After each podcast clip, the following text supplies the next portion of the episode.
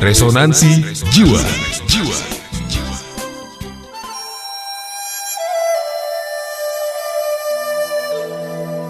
Nasihat seorang penyamun.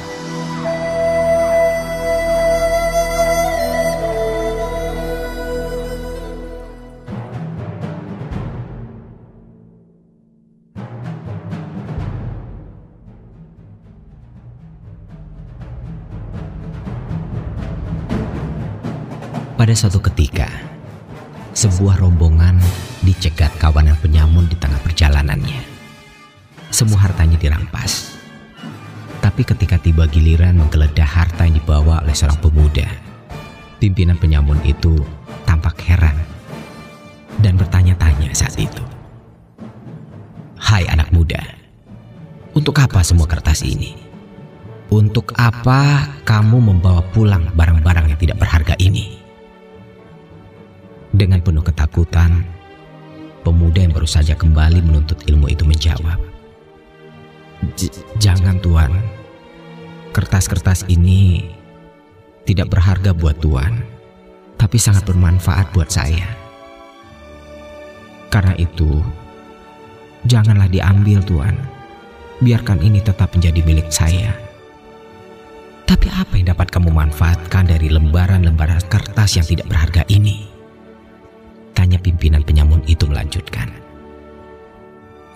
Semua kertas ini adalah jerih payah saya selama bertahun-tahun menuntut ilmu Tuhan.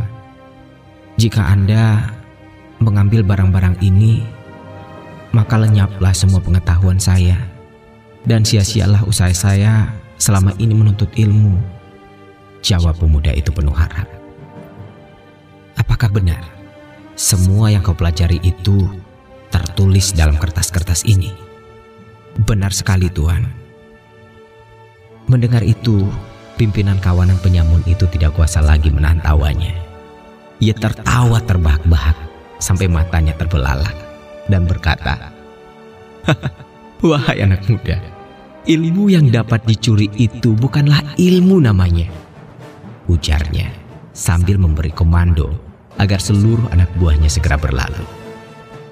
Seluruh orang dalam rombongan itu bersedih. Sebab harta benda mereka semuanya habis dirampas kawanan penyamun yang bengis itu.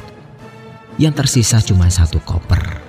Koper kertas milik pemuda tadi. Mestinya ia memang masih bisa bergembira. Sebab harta kekayaannya berupa catatan ilmu pengetahuan itu tidak diambil sedikit pun oleh kawanan penyamun yang memang tidak membutuhkan ilmu pengetahuan. Tapi nyatanya, ia justru lebih sedih ketimbang yang lainnya ketika menyadari bahwa dirinya tidak lebih dari seekor burung beo.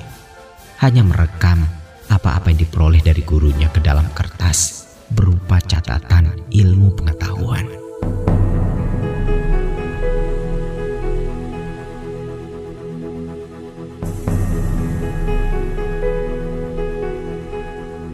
Nah, classy people, dari cerita sederhana ini, dapat kita ambil hikmahnya. Bahwa ilmu bukanlah berupa setumpuk catatan, juga bukan serupa buku-buku cantik yang tersusun rapi dalam almari antik, melainkan rekaman ingatan mengenai pengetahuan yang spontan diterapkan